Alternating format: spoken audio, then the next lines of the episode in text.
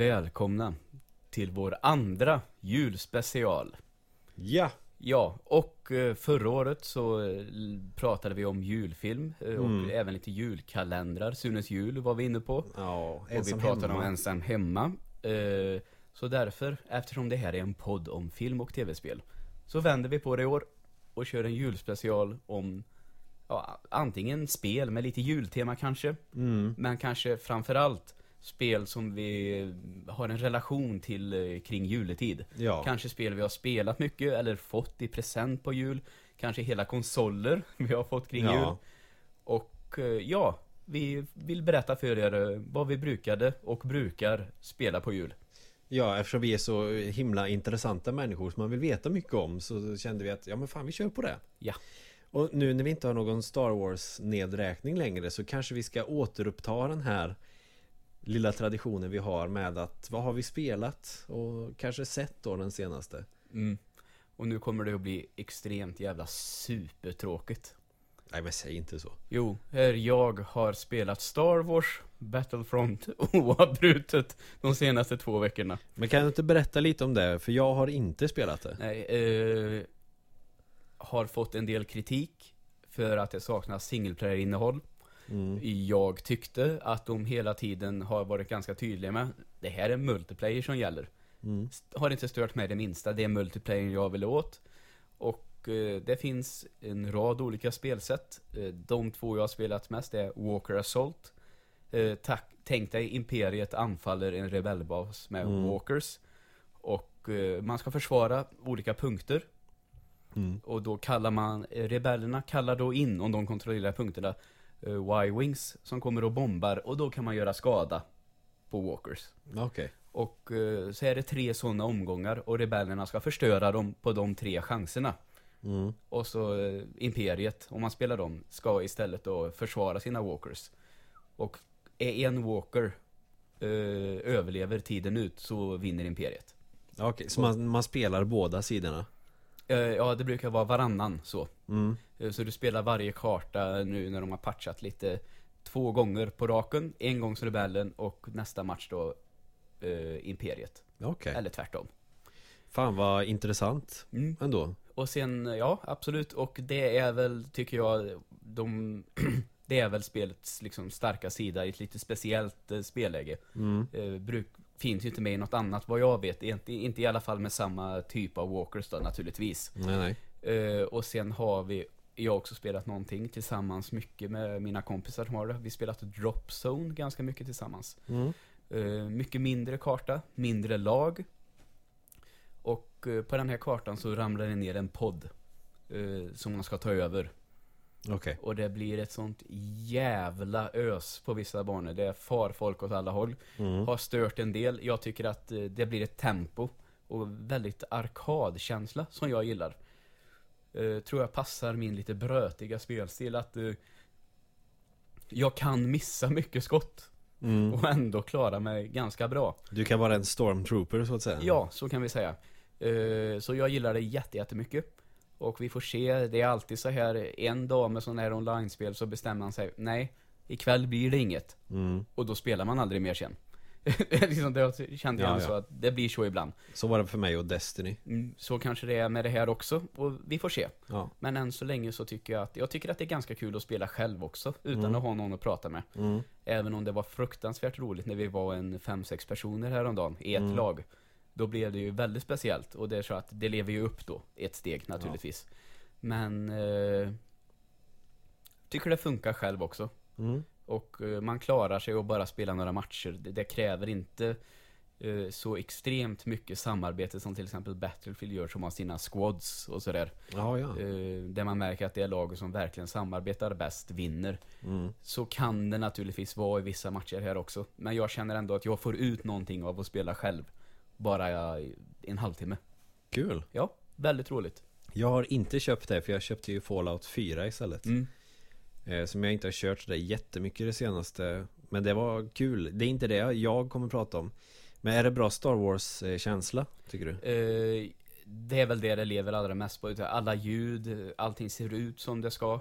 Eh, man hör folk skriker, eh, de här klassiska ja, om någon blir träffad så kan det vara det här klassiska skriket som är med, inte bara i Star Wars utan många filmer. Mm. Sen är det ju jädrigt snyggt på PS4 också. Mm. Även om det ser ännu vassare ut på PC naturligtvis. Det är alltid vassare på Eh, PC. Ja, men jag är jättenöjd Mm. med grafiken och ljudet och känslan.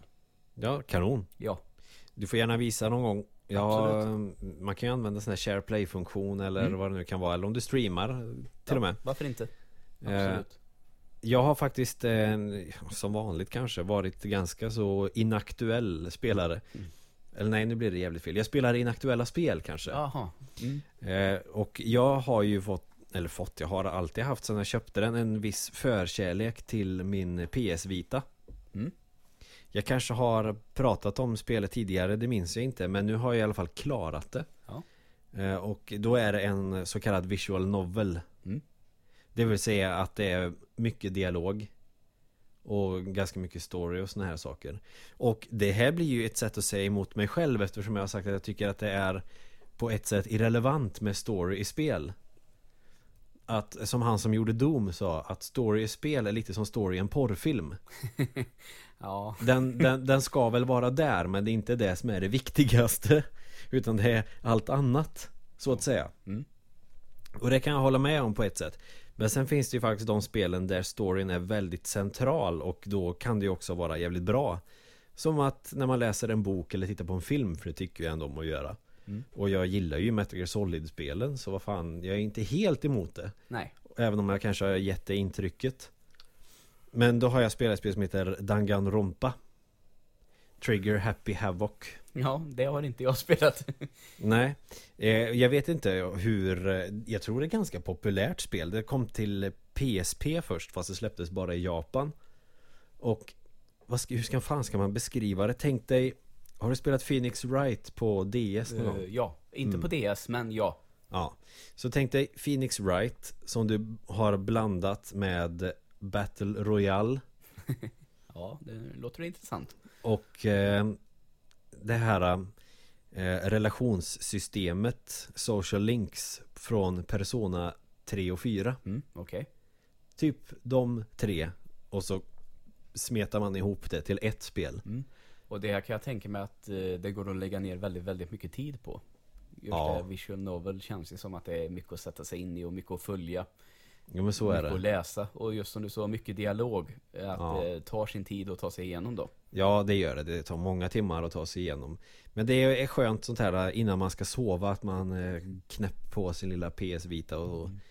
Kanske kör eh, ett fall som det blir För det är lite detektivspel Precis som med Phoenix Wright Du ska leta upp bevis och sådana saker Eh, Och storyn är att man är en gymnasieklass kan man säga Huvudkaraktären är medioker, har inget speciellt och alla andra är såklart proffs på någonting men man själv är helt vanlig Så att säga Ja. Eh, Men man har fått börja i den här elitklassen För alla har, är ultimat på någonting Den ultimata baseballspelaren eller ultimata modellen eller vad det nu kan vara Okej. Och då är man själv som har Eleven med den ultimata turen Att man har valts ut slumpmässigt för att få börja i den här klassen Aha, okej. Men det låter ju intressant. Det är ganska kul. Och så kommer man då till den här äh, gymnasieskolan man ska börja på och sen så svimmar huvudkaraktären. Vaknar upp i ett tomt klassrum, alla fönster är igenspikade Och det är massa kameror överallt. Och så äh, får man reda på då att man är instängd På den här skolan och man är en klass bara på hela Mm. skolan. Och äh, där finns allting från mat som kommer in Lite Big Brother typ Okej. det finns mat där, det finns kök, allting som man kan tänkas behöva Alla har varsitt rum Men då är kruxet att man kan bara få sin examen, om man säger Genom att vara den sista överlevande Aha. Och Som därav i- Battle Royale då. Exakt Ja. Så då blir det ju den desperationen och eh, folk måste alltså döda varann eh, Men för att, för att kunna få sin examen och döda alla, då måste man komma undan Och varje någon dör, då är det, det är som det är en nallebjörn som heter Monokuma. Såklart, det är japanskt kan jag ju säga. Ja, jo. Och då liksom eh, blir det som säger Okej nu har någon dött. Så nu är det upp till er att leta efter bevis Och så kommer vi ha en rättegång. Och där har vi Phoenix Wright. Ja.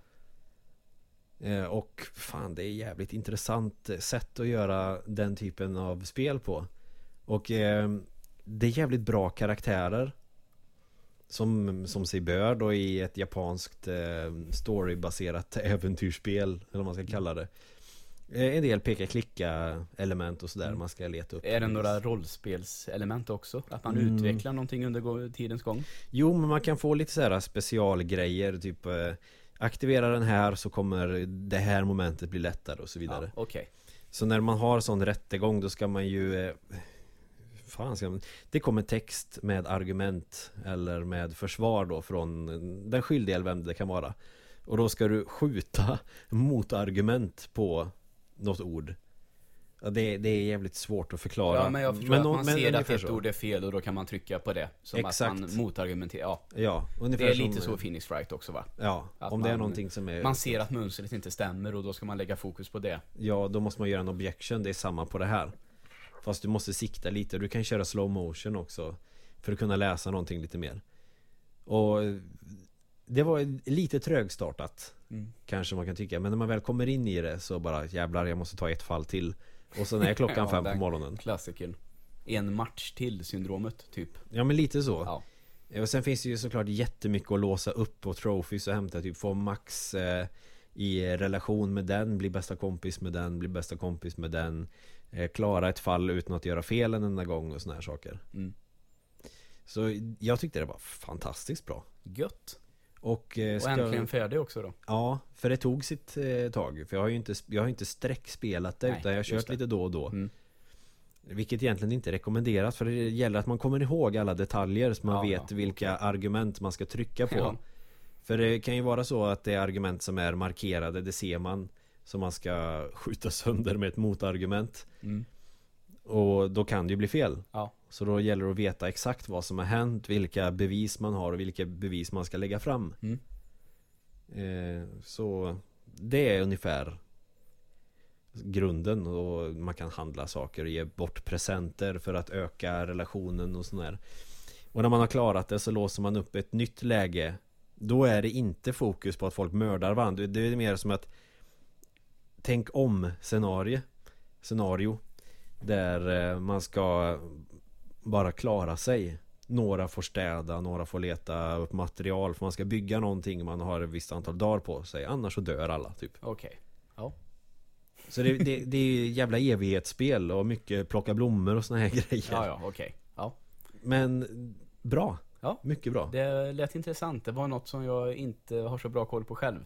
Det Nej. närmsta visual novel jag kommer, det är väl de här Telltale-spelen eller Life is Strange till exempel. Mm, eller Phoenix Wright Ja, precis.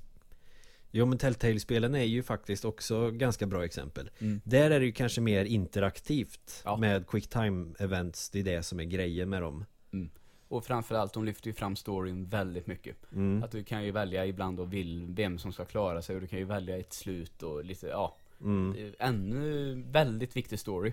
Mm. Framförallt var det ju det i Life is Strange då. Det är inte Telltale men det är samma koncept. Ja Och i, som Phoenix Wright och eh, Danganronpa är ju att Det är linjärt, det är en story Men sen eh, handlar, går det väl ut på att du ska göra rätt för att kunna komma längre fram Annars kan ju en visual novel vara att eh, Storyn Du går framåt i historien genom, genom vilka val du gör Som med Tell- Telltale-spelen Och sen kan du få olika riktningar och olika slut beroende på vilka val du gör Vilket gör att visual novel som spelmedium gör ju att det är jävligt stort Och att ett spel har sjukt många sätt det kan sluta på Och det är ju en replay-grej som eh, är rätt oändlig Ja, det är klart.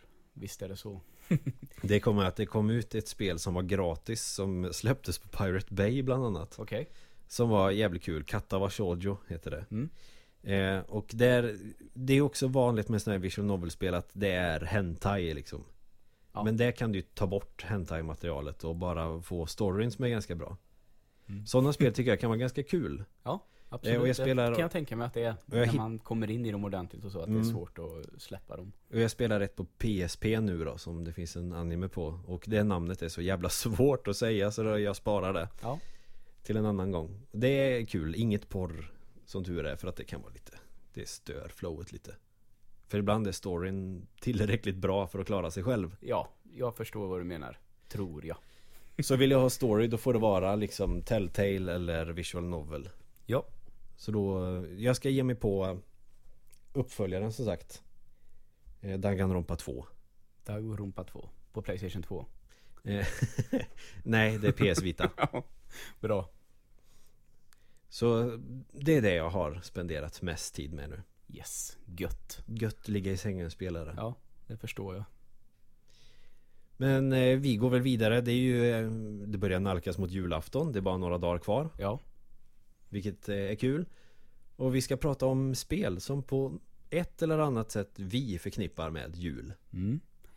Och eh, ja, vi pratade ju lite om det för några veckor sedan redan. Oj, ursäkta. Eh, att eh, jag fick ju mitt Super Nintendo när jag fyllde år, 3 december. mm. Ganska nära julafton. Så det blir, kan jag säga, det kanske var någon kombinerad, lite födelsedag och lite julklapp sådär. Mm. Eh, och det leder ju då till att kanske hela min spelkarriär, om man får säga, inleddes det någon gång kring juletid. Mm. Så att jag kanske redan förknippar det med hela jul. Alltså att, att börja spela någonting för första gången är Mm. lite juligt, helt Ja. enkelt. Och jag vet ju att det är något liknande för din del. Du fick Mm. väl ditt Super Nintendo på jul var det va? Ja, det stämmer Mm. Och också som du sa, ganska sent va? Mm. I eh, livscykeln på konsolen. Ja, ja, alltså det var ju typ redan färdigt Det var ju 96 fick jag det Ja, just det. det är, året efter fick jag ju sen Nintendo 64 om jag inte minns helt fel. Ja, jag skaffade ju Playstation ganska kort efter Men, eh, och det som jag är jävligt glad över att jag fick Super Nintendo så pass sent var ju att alla bra spel fanns redan. Ja, Och jag fick det. dem också. Ja, Zelda och Chrono Trigger liksom, det var mina första spel. Mm, det är jävligt häftigt. Så att jag hade ju allt, jag slapp ju vänta så. Mm. Förutom att jag fick vänta länge innan jag fick mitt Super Nintendo. Men jag hade ju Amiga. Mm. Så att det var ju det jag spelade mest innan det. Eh, Så jag och Sen är väl julen en bra högtid för just att spela Ja. Det är mörkt och eh, Man är ledig ganska mycket ja, absolut. Det är många lediga dagar Ja. eh, Man hade jullov Framförallt, och, ja precis. Framförallt sen när man kom in i den här skolåldern mm, så var det jullov, var ju spelande mångt och mycket. Ja, Många, både du själv och polare hade ju fått spel som man naturligtvis var tvungen att testa. ja exakt Så det blir mycket det På sommarna var man ju ute och, och lekte mest Mm. Spelar kanske, jag spelar ju så rätt mycket på somrarna Jo, jo, jag var, spelade ju mycket också på den tiden. Men det, det att det var var- så. Men Men det var ju inte så socialt accepterat Men på jul det är kanske inte alltid väder för att vara ute Även om man gillar snö Och det är som sagt jävligt mörkt Och då är det ganska mysigt att sitta och spela Mm, tv-spel med mm. ljuset släckt ja, och låta rummet eh, lysas upp av en spelskärm istället för av ljus. Ja, vilket gör att melatoninbalansen blir rätt kass Och man sover inte så mycket utan man spelar mycket Ja, det låter härligt tycker jag. Och därför känns en julspecial väldigt relevant att ha spel till Mm. Och eh, för att komma i stämning lite här nu, du och jag, mm. så tittar vi faktiskt på ett spel som vi tyckte lät jävligt intressant. Ja, Som ingen av oss har spelat, nej. men som vi kände att det här vill man ju spela. ja. Det sätter stämningen, ser mysigt ut. Vi har Hej tomtegubbar slå i glasen innan varje bana, bara en sån sak. Som en liten jingel ja Ja. Och det hette vad då? Days before Christmas Days before Christmas. Och vad jag kan se så spelar man eh, antingen som en, någon form av tomtenisse eller som tomten själv. Ja, jag tror man är tomten i Ja, det det spelet. såg ut så skägg och eh, stor. Ja, och Days before Christmas, inte som i dagar Utan som i Dazed and Confused Ja, typ just det, med Z. Ja Eh, Vi tittade lite på en eh, longplay gjorde vi Mm. Och vi vill prata om det här just för att det var så stämningsfullt och Jag har, jag fick reda på att det fanns för bara någon månad sedan Ja. Jag hade ingen aning om att det spelet existerar Mm. Ett ganska obskyrt norskt spel tror jag det är Och släppt av Sunsoft va? mm. Det är väl gammal klassiskt eh, distributör eller vad man säger. Ja det kan man ju säga Batman-spelen och eh, Blaster Master Och Journey to Silius Många sådana här Alltid cool musik på de spelen Mm. Finns de kvar fortfarande? Nej, Nej, Det gör de de, inte. är väck. de är väck Det är lite synd För de gjorde De släppte jävligt många coola spel Ja. Bland annat då eh, Days before Christmas Ja. Och Det är också sån här grej 16-bitars eran när man spelar spel att man får ju alltid se någon liten karta Här är du nu Mm. Och på det här spelet, Då är det en julkalender. ja, det är jävligt häftigt. Det är Ja. 24 banor då, rimligtvis kanske. Mm. Jag tror också det. Vi Ja. tittar inte på hela. Nej. Och det märks också att det är ett västerländskt plattformsspel. Mm, Du tänker på att det såg jävligt rörigt ut och att man skulle gå genom en labyrint istället från vänster till höger. Ja, men lite så. Ja. För det japanska plattformsspelare, Super Mario är det perfekta exemplet. Det känns rätt uppstyrt, lätt att ta till sig. Västerländska plattformsspel på den tiden i alla fall var ju mer leta efter saker, plocka blommor, grejer. Mm. Och så alla banor blir som en labyrint med att du är inne i ett hus och det har flera våningar och hur må- många trappor som helst. Ja, för Days and Confused såg ju ut att börja i något uh, tomtens verkstad. Och det är Mm. lite fiender som släpper lite bomber och eh, personer som spelar sprang upp och ner för trappor och samlade julklappar och jag försökte hänga med i ett, vart är vi på väg nu? Mm. Men någonting som jag direkt reagerade på. Eh, snyggt grafiskt, vackra färger. Mm. Men jävlar vad snyggt animerat det var. Ja. Tomtens rörelse, skitsnyggt. Ja. Och och vaggar fram lite mysigt så här. Så det är väl eh, lagt ner mycket tid på den spriten, eller vad säger man? Ja, det är många sprites Ja. precis i den karaktären. Eh, och sånt är ju alltid uppskattat. Jag, det ha- skulle ju kunna bli mer känt antagligen. Det kom säkert sent. Mm. Och en kassett går väl på en 1200 spänn. Ja, det är så pass ja. Det är lite svårt att få tag på. Ja, det får du emulera Jar har. Ja. Så, så ja, jag blir jävligt nyfiken på det här spelet. Men det är svårt att få tag på. Och som vi sa i början, vi hamnade lite i julstämning och jag kände själv att man fick lite idé. Ja, just det, jag spelade det. Och ja, man kom på fler saker man hade Mm. spelat. Så vi hamnade i lite julstämning här nu då, för Mm. första gången eh, På i år. år. Ja, det har varit eh, mycket När annat. det snart är jul. Det är jävligt Ja. märkligt. Men Men det är så när man är vuxen, när man var liten första december då jävlar var det Gick man spänd och väntade på julafton mm, Man skulle få grejer, kanske ett nytt spel ja. För det var ju i alla fall för min del Jag fick eh, nya spel kanske två gånger om året Det var när jag fyllde år och på julafton Mm, Så det var ju en stor grej ja, verkligen. Och det är då man spelar mycket Mm. Och då blir det ju också eh, Man skapar egna små eh, skumma traditioner Kring spel Som man spelar igenom varje jul för att man gjorde det när man var liten Och det blir Det, det blir en eh, Pavlov-grej Ja, exakt. Men, ja, vad ska vi börja med? Vi har ju en liten lista här. Vad ska vi plocka fram Mm. först? Nu har vi pratat om Super Nintendo. Ska vi rimligtvis kanske hitta ifall vi har något sånt på listan? Vi kör Super Nintendo Du nämnde ju där att du fick ditt Super Nintendo där kring jul Mm. Vad fick du med för spel var det? Super Mario World, Mm, som ingick väl i paketet på den tiden mm, eh, direkt.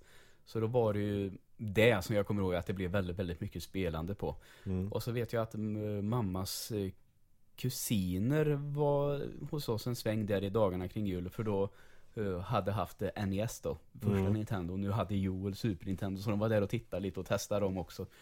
Eh, mina mammas kusiner, är inte så, jag är inte så mycket, jättemycket yngre än dem ändå. Så det är liksom, de var väl i den ganska unga då också, spelgenerationen. Så de var hemma och tittade på detta. Mm, Och sen dröjde det ett tag. Jag tror att jag hade Super Mario World väldigt, väldigt länge. mm. Innan det blev ett till. Som Ja. då var Lemmings. Men det tror jag Ja, var nog flera. Det var lite, tror jag, att spela pappa mest då. Jag var ju bara fem år. Så Mm. det, jag begrep mig inte riktigt på det där. det är ju hjärngympa bara Ja. Så jag fortsatte med Super Mario World väldigt länge tror jag. mm. Det är ett spel som håller Det håller. Det finns ju väldigt, väldigt mycket att göra. Ja, Och någonting som grämer mig idag. Jag vet att farsan fick ju för sig då att han skulle hitta alla utvägar. Och det här har vi pratat om förut. Och jag kanske nämnde det här också. Men jag hade ju den här officiella guiden på svenska.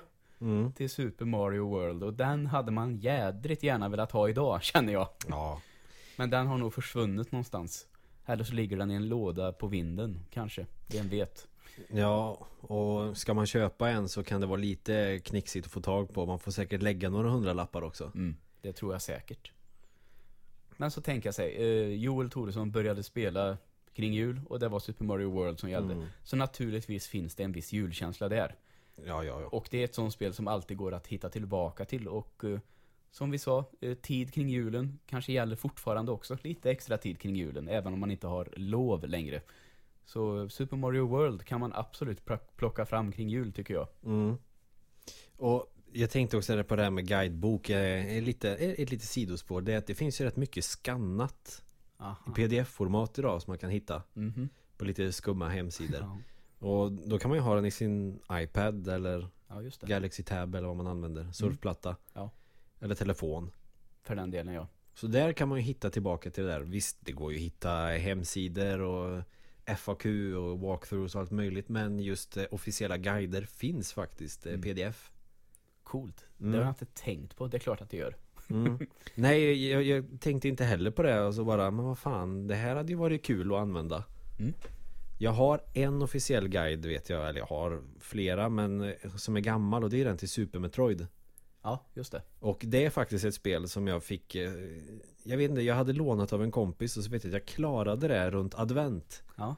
Och då blev det som en grej sen att Ja men när det är advent då vill jag spela Super Metroid Ja. Så det har du gjort i år också då kan jag tänka mig. Inte än Inte än. Nej, det är ju advent fortfarande så det... Ja det kan man väl säga, vi får se För att det dog väl ut sen när jag började spela PC istället Aha, okej. Ja. Vilket jag faktiskt har gjort en gång i tiden Det var en kort period, det var bör, slutet på 90-talet typ Ja, det gäller väl samma sak för mig. Mm. Det... Är det någon julkänsla där? Ja! Julkänsla i tv-spel det är att sitta själv i ett mörkt rum. Mm. Super Metroid, du är själv i en ganska mörk planet. Mm. Ja, det låter ju logiskt att det, de två skulle gå att kombinera alldeles utmärkt. Och utforska och hitta roliga saker och sådär. Långsökt, jag vet, men det, var, det, det, det är så det känns. Ja, och eh, inte alls så långsökt, tror jag. Nej. Jag tyckte att det lät väldigt tydligt varför det har blivit så. Ja men visst, och så att det, men det händer fortfarande. Det, jag gör det inte varje år längre eftersom jag spelar Super Metroid lite då och då. Ja. Däremot så kanske jag hittar någon rolig romhack på det. För att eh, det är ju ett sätt att återupptäcka gamla spel. Att någon eh, jävligt ambitiös person har byggt om spel från grunden fast det är samma motor och allting. Mm. Eh, Så det kanske, jag hittade på Youtube eh, Hyper Metroid tror Okej. jag det hette. Som verkar jävligt intressant. Ja. Eh, hyper som är snabbt eller hur, vad har de, vad är den största, hur har de hackat det så att säga? Alltså de har ju, det är ju som ett helt nytt spel fast Aha. med samma grafiska Ja, motor okej. Ja. kan man säga. Det är bara att youtuba då, antar jag. För det är Ja. väldigt intressant tycker jag. Ja, ja visst. Så det, något sånt kanske till jul. Ja. Sen finns det ett spel som jag spelar mycket, för jag nämnde ju att jag hade ju Amiga innan jag fick mitt Super Nintendo. Därav eh, att det blev sent med Super Nintendo. Då spelade jag jävligt mycket spel eh, som heter James Pond. Mm. Eh, får jag fråga bara, när Mm. du säger Amiga, vilken modell eh, var det du hade? 500. Amiga 500, ja. Det är Men- typ någon form av dator egentligen va? Eller Ja, det det räknas det som konsol? Ja men det är en hemdator det. En hemdator, ja. Innan PCn tog över typ. Ja, Eller ja, ja men det var så. skitsamma.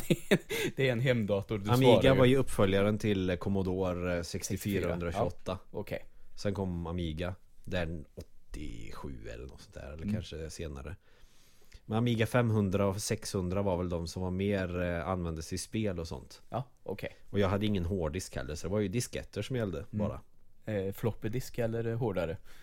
Ja det är inte såna här stora floppy disk Nej. som namnet floppy disk kommer ifrån Nej. Men de eh, små 3,5 tums Ja, okej. kallades ju floppy disks också Ja, okej.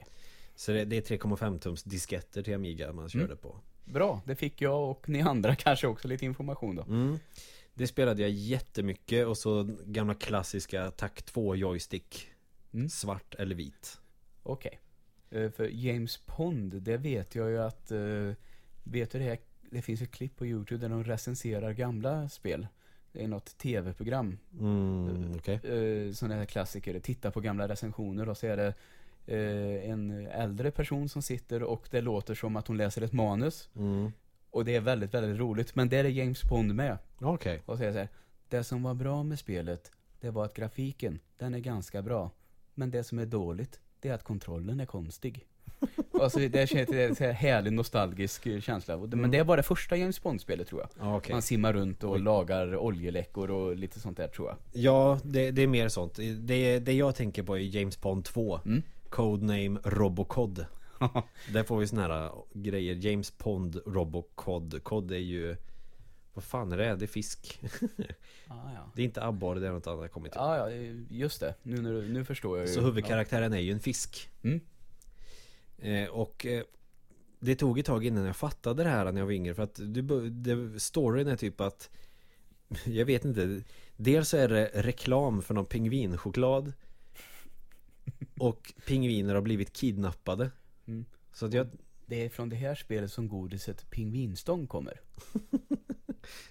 Ja kanske Ja, vem vet. Vem vet? Förlåt, nu avbröt jag dig. Nej nej det är helt lugnt Eh, så att jag tänkte inte mer på Ja man är på Nordpolen och så ska man eh, in i något stort slott Där det finns massa leksaker och godis och kortspel och fan vet vad det är för grejer För att rädda de här pingvinerna. Men sen insåg jag ju eh, Ganska långt senare att det är ju för fan jultomtens verkstad Och spelet går ut på att rädda tomten Ja, okej. ja, ja, då förstår jag julkopplingen ännu tydligare. Och det, det är härligt eh, pårökt på något vis att man är en fisk som ska gå in i tomtens julverkstad och slåss mot leksaker och godis. Mm. Ja, ja, men eh, nu följer bitarna på plats. Och har en specialkraft att man kan eh, förlänga kroppen. Likt Dalsim i Street Fighter fast det är, från, det är midjan som du kan göra hur lång som helst. Okej. Och kan klättra i tak och såna Mm. grejer. Och jävligt roligt plattformsspel är det. Ja, ja, okej.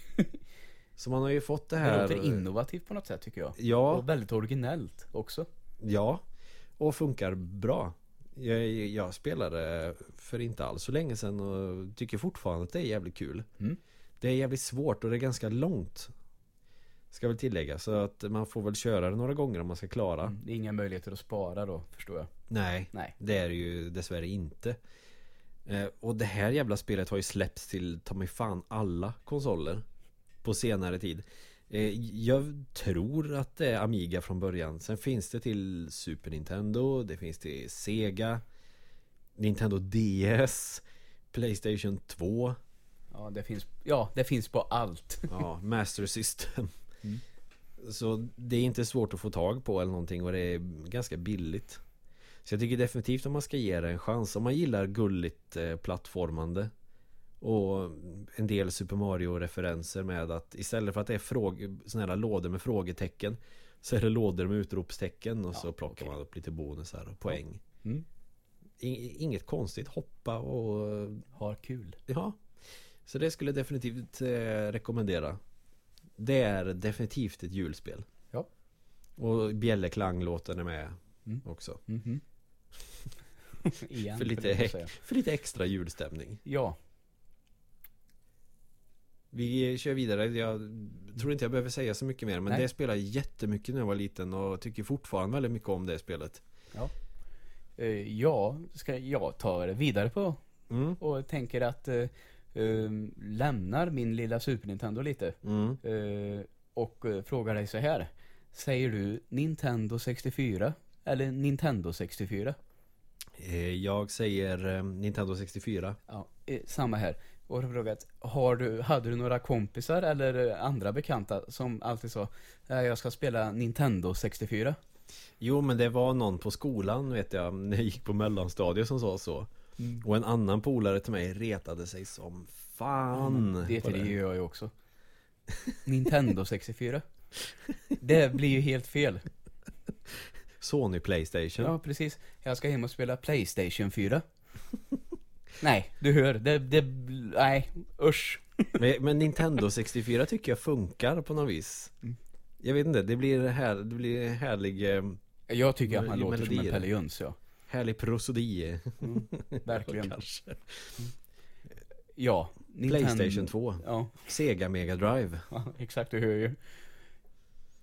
Vad körde du på Nintendo 64? Eh, på Nintendo 64 så eh, kom det ju ett så litet fint spel som heter Golden Eye så småningom. Mm. Och eh, just det här att först så spelar man det själv ganska mycket. Mm. eh, Och hade jättekul och eh, liksom man provar lite svårare så här också och tänkte man, ja, det är ju ändå samma tyckte jag då. Mm. Men sen då efter ett tag, några månader, när man hade spelat ett tag och närmade sig julen Mm. så blev det, det finns multiplayer. Och det finns oändliga val och man kan välja karaktärer och man kan spela fyra personer samtidigt om man vill. Mm. Och jävlar vad vi spelar multiplayer på Goldeneye. Och då blir det logiskt. Jul. Alla kompisar har jullov. Det blir logiskt att då köra på Goldeneye multiplayer. Mm. Ja, jag körde faktiskt inte det så mycket. Eh, ja, det var ju då när jag hade börjat spela mer PC så att det var ju Quake och Doom och eh, Half-Life kom väl också ganska tätt inpå. Mm. Och är ju eh, ganska överlägsna så sett. Jo, jo, det är det ju. Så att jag gillade aldrig eh, Goldeneye något vidare. Jag kan tänka mig att om man eh, Jag spelar inte så mycket P eller ja det gjorde jag i och för sig men Just då var det ju väldigt mycket eh, konsol som gällde Den var Ja. ju rätt fräsch då, de åren där Mm. eh, Kändes väldigt ny fortfarande Mm. Och Goldeneye, jag vet att eh, i början, Pappa hade något sånt där Nej, man ser ju bara vapnet, kan det vara så kul? Mm. Och sen började de här recensionerna att trilla in om hur bra det var och vi köpte det till slut då Mm. och då, ja Insåg man att det var någonting som jag tror, jag hade aldrig spelat det här eh, FPS Mm. Utan det är mitt första FPS också Och redan där har man ju en annan relation till det då Men just det multiplayer med polarna Gärna då med Golden Gun Mm. Att en person fick tag på Golden Gun och döda alla med ett skott och Man fick teama upp och hjälpas åt och sen bara Någon måste få tag på vapnet Ja det ble, blev Första multiplayer alltså, Mario Kart hade man ju spelat Mm. Men det här blev så tydligt multiplayer Alltså Det satte ju en standard också. ja, och det blev ett beg- nytt begrepp som man lärde sig på något sätt Att man kan spela mot varandra Och döda varandra Och det Ja. Första gången jag kände så Så det här Och spelet tyckte ska att det ju... var så kul Ja, och det här ska ju ha cred också. Det kom ju fan långt efter filmen. Ja, eh, Och det var ju utveckling skitlänge och de som gjorde tänkte fan nu kom det Quake, jävlar nu Mm. kom det här spelet. Nu måste vi, och det här är ju som Doom. Vet du vad Goldeneye skulle varit från början? Mm, nej. En rail shooter inspirerad av Virtual Cop. Jaha. Men eh, helt plötsligt, de bara pum, körde om allt totalt. Men fan det förklarar ju siktet ju. Precis. Se där. Bitarna faller på plats. Ja. För det tyckte jag var en ganska kul grej. För eftersom det är svårt att sikta, man har ingen mus att sikta med. Nej. Så att då löste de det jävligt bra med det siktet. Mm. Man trycker in R-knappen tror jag och då Ja. kan man styra bara vapnet istället för gubben. Och dessutom med en analog styrkontroll. Mm. Och det fanns bara en analog spak vid den här tiden. Mm. Så det, det kanske ni vet, men ändå. Det förklarar ju saken varför de löste det med knapptryckningen. Nej men på senare tid så har jag lärt mig uppskatta det mer För det är också det här att du har uppdrag på det Ja. Som du ska, du måste göra de här delarna först innan du kan klara banan Det Mm. var jag inte van med Nej. Jag var ju Och mer van med att hitta mål ordning dessutom. mm. Eh, Så ja, och dessutom att det var på konsol Mm. Och funkade bra Eh, Jag tror både Doom och Quake och de här kom till Playstation och Nintendo 64 Duke Nukem fanns ju också Mm. Men eh, Det här var ju exklusivt Ja. Och den här standarden sattes väl egentligen på riktigt av Halo sen till Xbox Mm. Men det var ju med Goldeneye i början som tog nästa steg sen för Ja. FPS på konsol ja. Och nu kör så. vi ju Star Wars Battlefront Ja, Som man- utan problem, och Call utan Duty måste och man ju säga. Tycker Ja. jag då. Ja, ja, ja, jag föredrar spelare med kontroll nu Så att eh, Jag gillade inte Goldeneye alls Men nu eh, uppskattar jag det faktiskt Mm. Och jag förstår stor, eh, det stora med det Ja. Eh, jag har ju med det spelet idag tyvärr svårt att uh, vet att man vill åt den här nostalgiska känslan som att Super Mario World kan man fortfarande plocka upp och älska. mm. Goldeneye stör jag mig nu. Det har ju inte åldrats lika bra, tycker inte jag. Nej Utan det har utvecklats hela genren något så oerhört mycket Mm. på de här åren. Att jag inte tycker att det är nästan ospelbart för mig. För mig har det blivit tvärtom Ja, Jag det- tyckte det det, är var ospelbart i början För att jag var van med Ja men Duke Nukem 3D, Quake 2 Mm. liksom Och idag tycker jag ändå att Det är ganska kul att sätta sig och köra något Ja, uppdrag jag skulle vilja ge det en chans till men du förstår att du, det är precis som att man har i muskelminnet i händerna att i det här, nu kan jag göra så här. Mm. Och så bara saknas det något och det funkar inte alls och då stör jag mig bara. Nu kan du ju spela över internet och du har hela skärmen för dig själv och du kan sitta och prata med dina polare som sitter kanske i en annan stad uh, Goldeneye var man ju tvungen att vara flera i ett rum Plus Ja. att man delade på en Kanske då som störst 28 tum eller 32 tums TV Det var inte så Fyra små skärmdelar. Ja det var inte så mycket man fick se Nej. kanske Och idag så är ju det en Är det rätt Underlägset Mm. i jämförelse Ja.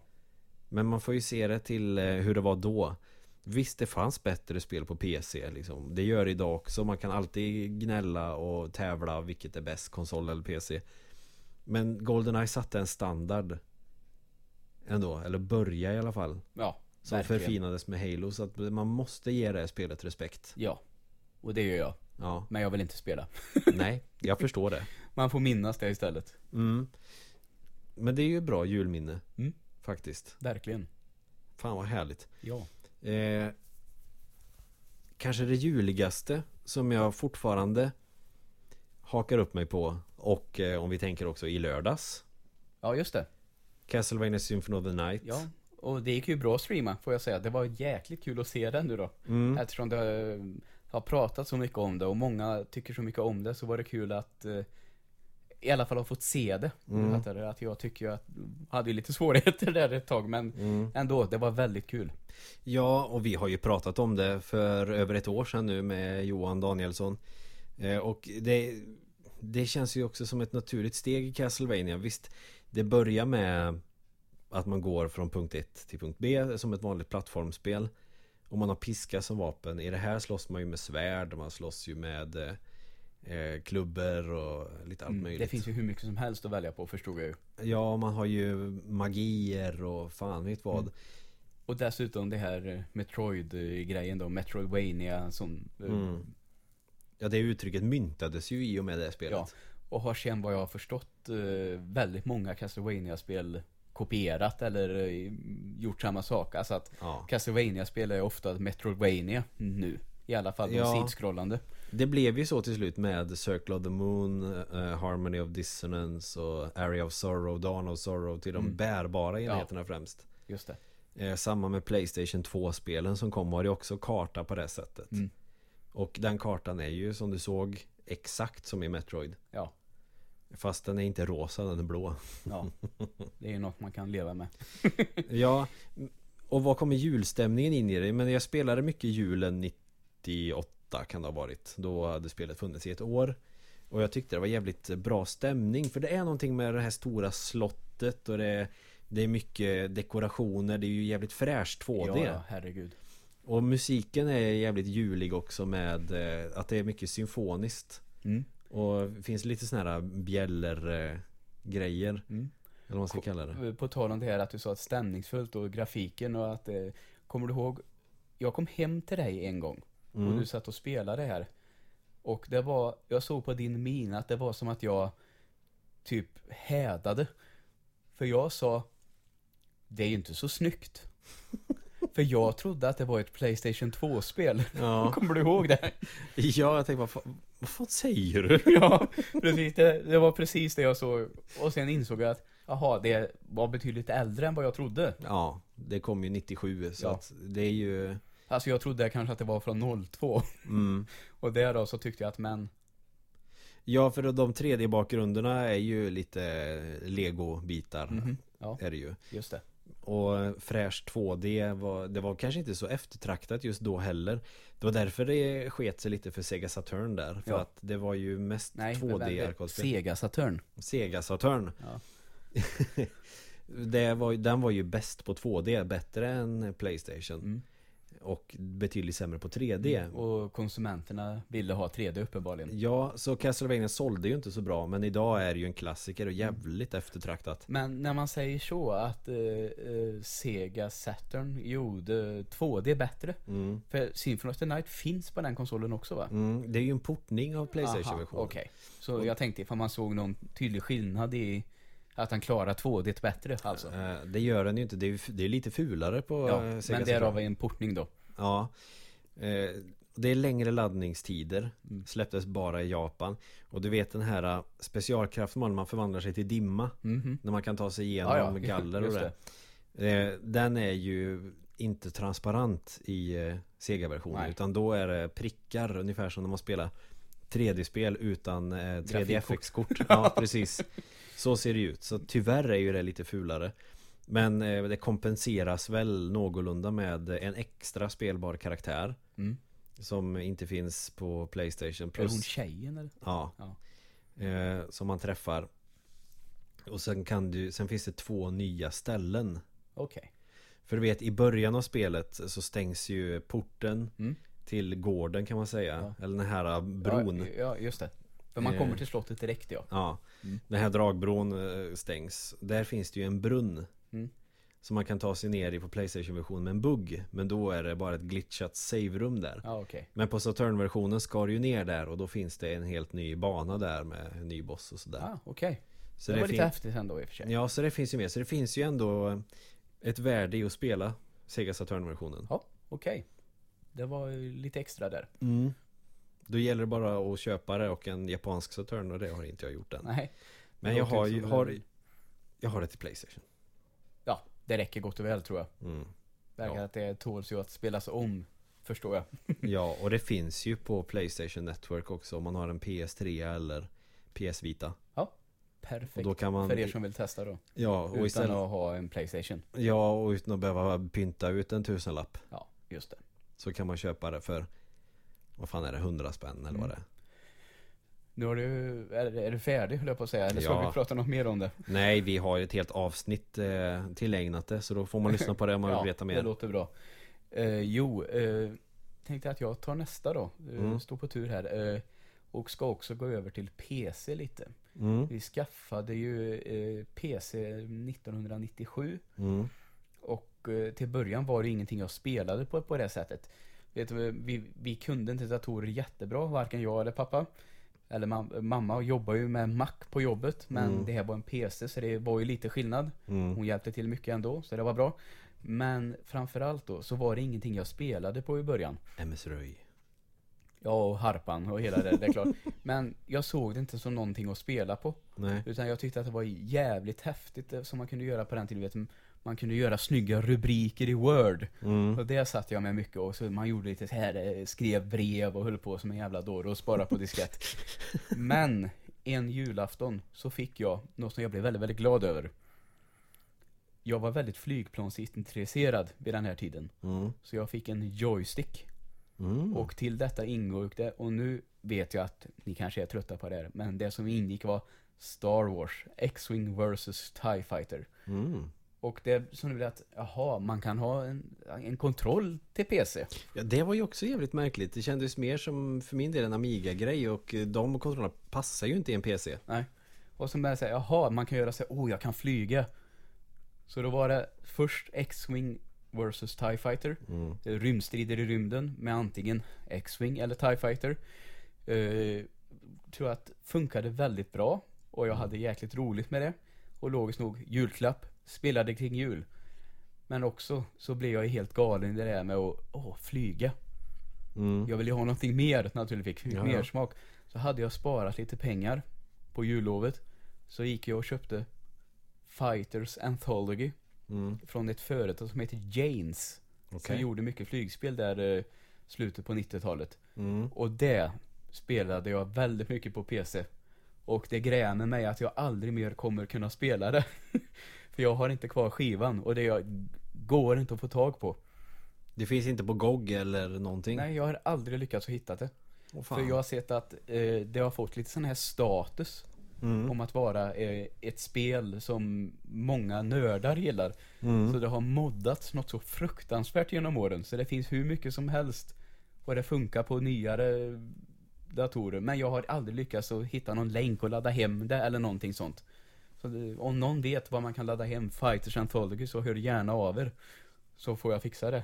Mm. Ja det kan ju vara värt att kolla upp. Mm. Nu blir jag ju själv sugen på att leta upp det. Och det är ju eh, simulator då. Ja. Så det är inte Ace Combat utan eh, lite mer simulering. ja, Ace Combat är ju bara dogfighting. Ja. Det körde jag faktiskt ganska mycket. Mm.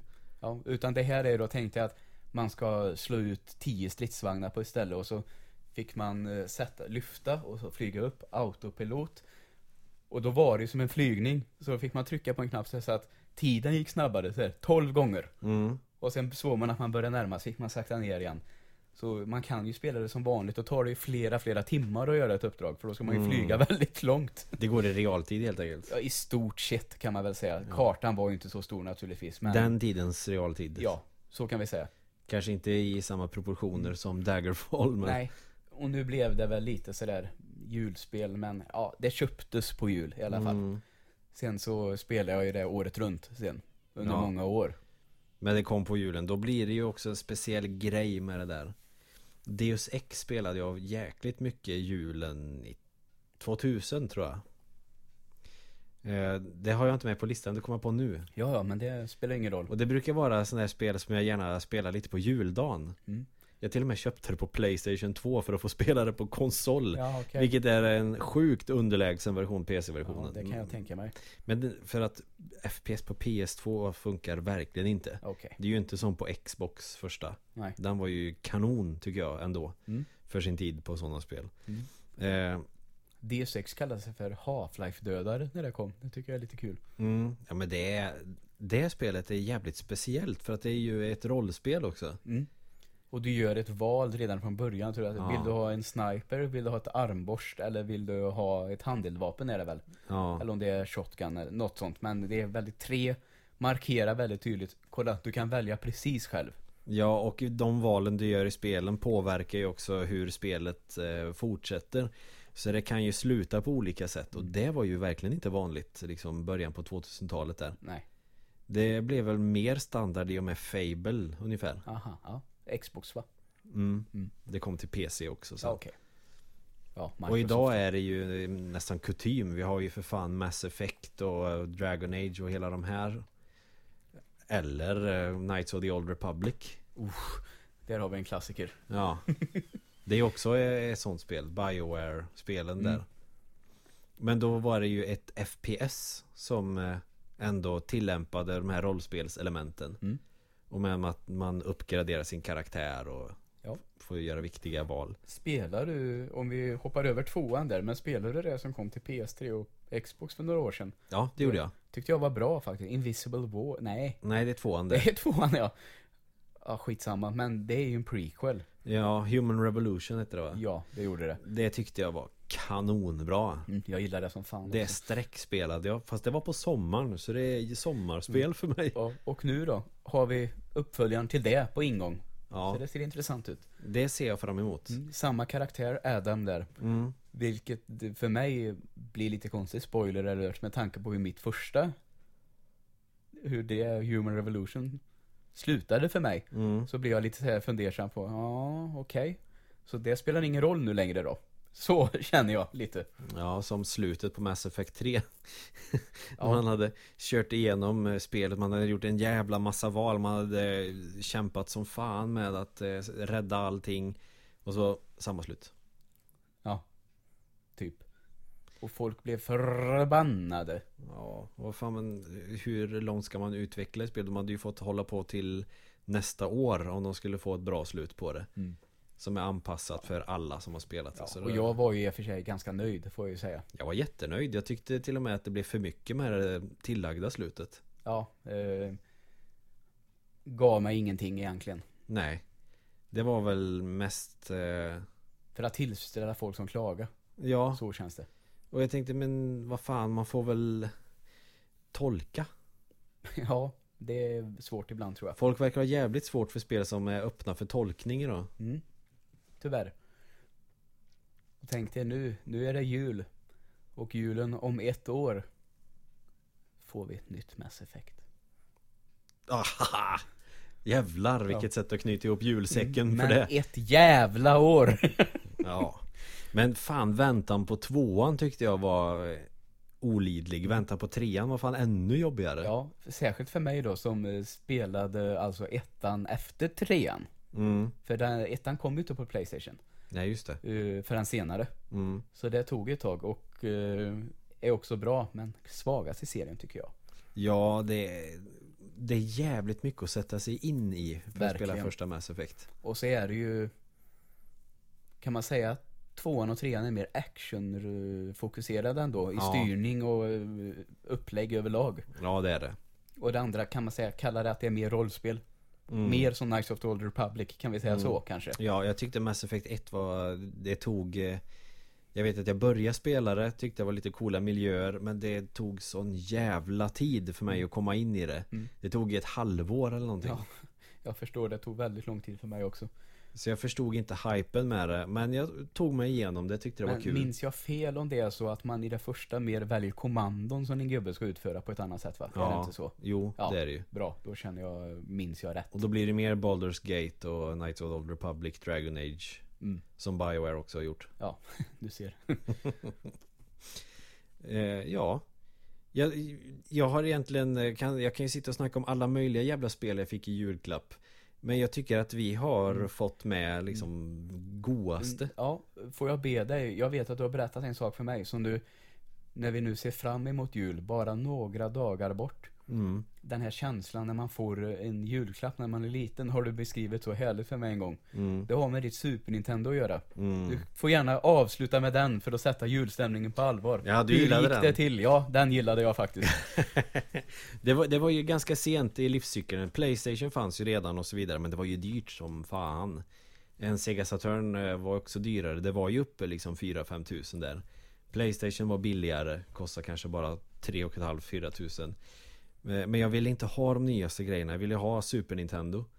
Så att eh, Jag fick ju det till slut. Jag hade ju spelat eh, Mer dator, Amiga så att eh, Det gjorde ingenting att jag fick det sent. Och då fick jag ju Då fanns ju alla bra spel. Så jag vet att det var ett stort jäkla paket Så fick jag det. Och det var ju mitt Super Nintendo. Mm. Wow, äntligen. Fan vad gött liksom det, det är som en helt ny värld öppnar sig. Bara, nu kan jag spela Zelda och alla de här coola spelen. Och jag fick ta mig fan Zelda också. Jag fick Donkey Kong Country, jag fick eh, Mortal Kombat. Det var ju coolt då i alla fall. Mm. Street Fighter 2 fick jag också. Jag fick en jävla massa spel liksom Mm. tillsammans med den. mm. För det fanns ju en begagnat marknad.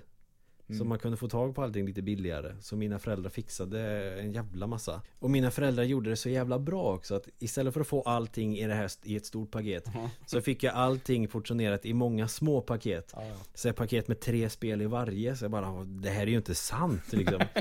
så jag hade, jag hade ju Zelda och Chrono Trigger liksom. Mm. Och det är ju de spelen jag tycker bäst om även idag. ja. Och har kvar. Det här är en historia som fan med är jul Ja, det är fan Ja. jul. Och jag spelar som fan den julen. Ja. Så vi, vi, spelade Zelda under reklampauserna till Star Wars när det sändes på tv. Apropå Star Wars. Ja, Så vi tittade på Episod 4 och tittade. Sen när det var reklam, ja men då spelade vi lite Zelda. Och sen kolla på Star Wars och spela Zelda. Bra liksom växling där. ja det kan man ju onekligen säga Fantastisk jul. Ja. Så satt jag och pappa och en Så nu? massa. Om du, likt jag, har haft svårt att hitta lite julstämning i år Är du inte i julstämning nu, då jävlar är du en hård jävel Då har du aldrig spelat tv-spel förut. Nej Och det blir våran eh, knyt. Ja. våran Vi knut. knyter ihop säcken ho, ho, ho. Fan vad fel det blev där. Men vi får spara det, det kan vara kul. Ja Så vi hoppas att ni har haft trevligt och hamnat i julstämning. Ja. Och hoppas ni tyckte om streamen i lördags.